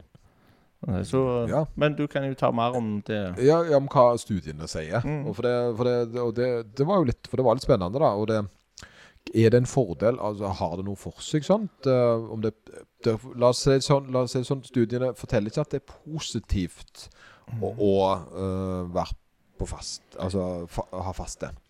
Å trene på faste. Uh, det som Men uh, det å så trene uten å ha spist før, det bygger fortsatt muskelvev på ca. samme nivå. Eh, men en ser et par ting. Det ene er at en har eh, økt styrkeeffekt av å ha spist før. Og de som var med i denne studien, de rapporterte da om at de hadde, hadde høyere, høyere RPE. Altså de følte at ting var tyngre når de ikke hadde spist før. Ja. Så effekten her er ikke så at du har fortsatt framgang selv om du trener på faste. Så det kan jo være positivt hvis du er, har bestemt deg for enten å gå ned i vekt, du har valgt faste som din måte å gjøre det på, så har du fortsatt effekt positiv at du bygger muskler, men du har ikke den samme spesialiseringen spesialisering innen styrkeretta. Ja. Eh, Og at gjerne treninga kan oppleves litt tyngre ut fordi du har mindre energi, naturlig nok. Fordi du har ikke den tilgangen til energi eh, i magesekken, da, eller Mm. området, som du har når du har spist først. Ja, men la oss si at du er det, når du først er det, da, så har du store måltid. Du spiser én gang i døgnet, eller kanskje to. Uh, er ikke kroppen ganske flink til å distribuere dette her ut? Uh, Jo, jo han er, han er, det er han. Han er ganske flink på det, men faste dreier seg jo svært sjeldent om å være i overskudd. Uh, Ja. det, det er jo det som er Så hvis du spiser ja, jo, for mye, så så, så, så hvis du spiser en såpass stor kvelds at du ikke orker frokost, så tror jeg nok du fortsatt er, Du er ikke en fastende stat. Nei, nei, kanskje Eh. ikke. Men altså, hvis du tar bare altså, fastes eh, Ikke eh, calorie deficit, men bare vanlig faste. Du, du spiser bare ikke. Ja, jeg, jeg, sånn, Du er det et måltid så holder deg gående gjennom et døgn. Skal ikke det måltidet der kunne holde deg gående gjennom et døgn, da? Både ja og nei, fordi uh, den, den er sånn vrien, den her. For det øh, Jeg tror øh, at du altså du, du, kan, du kan være i kaloriunderskudd en del av døgnet, og kalorioverskudd en annen. Ja. Du kan, det er Ja, ikke sånn at du er jevnt over. Og, det, og det, tingene her, det handler vel egentlig om å, prest, å ha næring rundt prestasjonen. Ja. At det er bedre å ha næring rundt den aktiviteten du skal gjøre, enn Mm. da å spise etterpå. Eh, Men hvis du driver med f.eks. periodisk faste og har et vindu Og her var det jo da, brukte de jo et veldig godt eksempel. De snakket jo da om f.eks. ramadan. Mm. Eh, da, at det var svært vanskelig å trene At det, du kan fint trene på dagtid selv om du ikke får spist. Og du har gjerne ikke 100% effekt i forhold til styrke spesielt, som da gjerne krever et mer overskudd enn da hypotrofi, som du da hadde uansett. Men du kan jo bygge muskler selv om du er i underskudd. Det er jo det gjerne ikke folk er klar over. Du kan bygge muskler selv om du slanker deg. Mm. Eh, men eh, eh, selvfølgelig på et eller annet tidspunkt så kan en få, Hvis en ligger i for langt underskudd, så er det jo ikke noe å, å, å, å gjøre med det. Da kommer en i en såpass sult situasjon som er noe annet igjen, da, men det er mer ekstreme tilfeller. Eh, Er det, eh, faste noe som er anbefalt av coacher rundt omkring, eller? Noen sverger jo til det, og tingen er det at eh, jeg opplever veldig at veldig mange har stor mestring av å droppe frokost spesielt. At Mhm. de eh, gjerne ikke trenger frokosten. At den er litt unødvendig, fordi at de gjerne har, nettopp har spist et større kvelds og sovet og våkner opp. Og så når de da blir vant med å ikke spise frokost, så holder det til lunsj. Så med det så blir det for veldig mange et unødvendig eh, måltid. Og det er jo det det handler om. Vi skal jo prøve å fjerne de unødvendige måltidene. Ja. Fordi det er jo de vi legger på oss av. Ja, har det, men har det noe å bety dette? For jeg vet det er mange som snakker om dette her. Ikke spis tre timer før du legger deg. Uh, er det forskjell på det måltidet eller frokost? I, I forhold til forbrenning? Ja, i- ja, i forhold til alt. Altså, sier du eh, kalori uh, Sier du skal gå i kaloriunderskudd, da. Hvis du spiser akkurat det samme måltid på kvelden eller på dagen, har det noe å bety? Ja, det, det Altså eh, Litt med det som er her er greia, da, det er at en kan si hvis en har mer energi i kroppen, så vil en gjerne være mer aktiv den dagen. Så Mhm. det er jo det. Men hvis alt forholdsmessig er likt, så spiller det jo ingen rolle når du spiser. Ja. Eh, For det er jo det som er greia. Det er at Hvis du kun spiser på kvelden, så er du gjerne litt sliten på dagen. Mm. Men hvis du har et jevnt tilskudd av næring i løpet av dagen, så vil det gjerne være lett å være aktiv. Mm. Og jeg tenker det er litt sånn spis i forhold til hva du skal gjøre. Så hvis du ikke skal gjøre så mye, så trenger du ikke spise så mye. Det er jo noen greier som, som jeg ikke har helt funnet saken på, som vi kan snakke om en annen gang. Men det var jo det. Sånn som jeg forsto det, så var det eh, Proteiner påvirka søvn mer enn karbohydrater. Så der var det noe. Men jeg er litt usikker på om hva det betyr i praksis. Det har jeg ikke satt meg opp i. Så det er jo litt med hva Ja, I hvilken retning? Positivt eller negativt? Negativt, altså. Ja, ok. Proteiner. Og, men det kan jeg se for meg nå igjen. Nå er jeg kun på terrorizing her. Ok. Eh, det at det er med fordøyelsen. Ja. At det er litt vanskeligere å fordøye kjøtt enn det er sukker. Ja. Altså, det, for det tas litt lettere opp. da. Mm. Så det tror jeg gjerne kan være en eh, Og det at når en ligger i tillegg, så er jo ikke tarmsystemet like oppegående som når du er i bevegelse. da. Mm. Så det kan ha noe med det å gjøre. Men Ja. det igjen, det er bare mine. Men det må jeg finne ut av. tar det opp en annen gang. da. Ta det opp, men eh, ta heller, så det ikke ta noe, ta noen, ikke ta noe lærdom ut av det. Nei. Eh, der er noe det, Ja. Kanskje det Men kan hvis det er noen noe ildsjeler som er interesserte, så kan de òg søke det opp. Ja, Mm. kan ta, ta seg en liten sjekk om at det er Mm. noe spennende de finner ut av det. da der Mm. det er jo noe jeg jo må lese litt om. Men jeg tror eh, det var bare noe som jeg falt over. Som, for jeg liker jo sånn så, i, sånne settinger som dette, så liker jeg også um, OK, vi skal snakke om det. Så det jeg gjorde i dag, det var det OK. Jeg fant først studien, leste meg gjennom den. Mm. eh, og det tar jo litt tid. Ja, ja, om gjerne en time eller annen bare å lese gjennom. Eh, det sammen med da Og det betyr det blir, Jeg blir jo ikke en ekspert på det. Men akkurat dette her har jo holdt et foredrag om. Ja. Så jeg fant jo for kursmateriale og gikk gjennom det. Og så tok jeg ut de tingene som jeg enten beit meg merke i eller hadde litt kunnskap om. Så derfor snakker jeg ikke om alt på det kurset, for det er jeg ikke like støtt på. Men jeg tar da ut de tingene som jeg har brukt tid på før. Ja, ja. Så jeg har jo spesialisert litt, eh, den informasjonen jeg kom ut med nå, i forhold til det, da. Mm.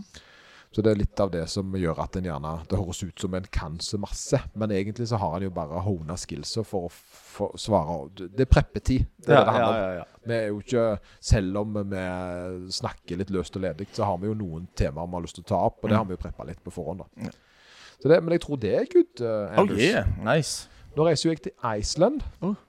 Jesus. Ja, det gjør du, ja. Stemmer. Ja. du fortalte jo det litt tidligere. Ja, jeg skal være med på vesteuropeisk mesterskap i styrkeløft. Ikke delta sjøl, men jeg skal være med og heie på noen andre. Og ta bilder og sånn. Couching, couching, yes. Og da skal jeg til, så skal jeg til Island og se om det er Og da er spørsmålet eh, Tror du jeg tar med kameraer? Jeg antar du tar med Tar med kamera. kamera. Ja. Tror, tror du jeg tar med GoPro? Jeg hadde tatt med GoPro. Ja. det, Mhm. tror du, skal jeg ta med drone? Jeg hadde tatt med drone, for det er bedre å ha og ikke ha behov for, enn å ha behov for og ikke bare Ja. ha. Jeg, jeg tar bare ett kamera, men jeg tar med GoPro og drone i tillegg. ja, ja. Det får holde. Ja, Ja. stemmer det. Det, det, det tar minimum. Ja, jeg skal, minimum. faktisk, når jeg skal ut på noe neste gang, skal jeg jo ta med GoPro. Jeg syns du skal ta med deg GoPro. Ja, ja. Det er veldig gøy, altså. Ja, jeg tror det. For det er nå, og nå har jeg jo virkelig fått uh, den nye GoPro 11 her. eh, den har jeg fått Den har en sånn kul eh, linse.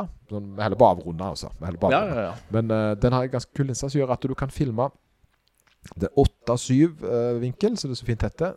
Det betyr i praksis at du kan filme klassisk eh, horisontal, sånn som de fleste TV-er filmer. Ja. Og i tillegg så filmer han eh, da en høyde som gjør at du kan klippe ut eh, mobilfilm. ja. Så du får både Uh, Og det er litt kult, for, da, for, for i det siste så har jeg hatt en sånn ordning på den gamle GoPro-en min at jeg var nødt til å ha den på skrå opp for å filme det som folk flest Folk flest ser oss jo på TikTok og Instagram. Uh, og må, men nå trenger jeg ikke det. Jeg kan filme i én måte, og så kan jeg bruke det i begge forskjellige vinkler. Så det Oh, synes jeg er drittøft. ja, det er nice. Og så er det jo en vanvittig stabilisator på det. Så jeg la Ja. ut den i dag, faktisk, der jeg var ute og sprang i skauen. Det har jo vært egentlig helt fra starten med de der. Ja, de har eh, forståelse for, for det, altså. Så, men nå, og jeg tenker det å få tak i noen kule videoer fra eh, Island, det må jeg jo. Ja. Og selvfølgelig fange litt løfting. Det syns jeg jo er litt gøy. Ja. Så håper vi bare at det, at det, ja, det kommer til å gå bra. Det blir kjekt. Oh yes. Men det er hele uka. Tid er det du reiser på turné? Midten av september. Skal vi se. Ja, Uh, midten, for vi er jo femte nå. ja, skal vi se. Jeg reiser 19. da. Ok, så da har vi rekke en innspilling til. ja, Ja. ja definitivt. For jeg skal da ta meg en tur til Ta meg en tur til Oslo og få spilt inn noen episoder der mens du er vekke. Ja. tenkte jeg. Bare for faktisk å ta en liten business expense der og se om jeg får å høsle med meg noen spennende gjester. Det blir kult. Pil. Men eh, skal vi bare si god helg? Ja, ja, vær så god. God helg. Vær så god. like del, like del. Uh, det, jeg vet ikke hvorfor vi sier det for det er ingen som gjør det, men uh, de gjorde det når du skulle vinne T-skjorte. Da var det bra. Ja, ja, ja. Ja, Kanskje vi skulle hatt en ny sånn utlodningskampanje. ja Men kanskje. det er ikke det er ikke denne gang. Ikke denne gang. Vi tar neste gang. Planlegger. Er det noen som har lyst på noe, så må de ta oss i BS, så skal vi heller kan vi vippse de. God helg, Anders. Ja, god helg. you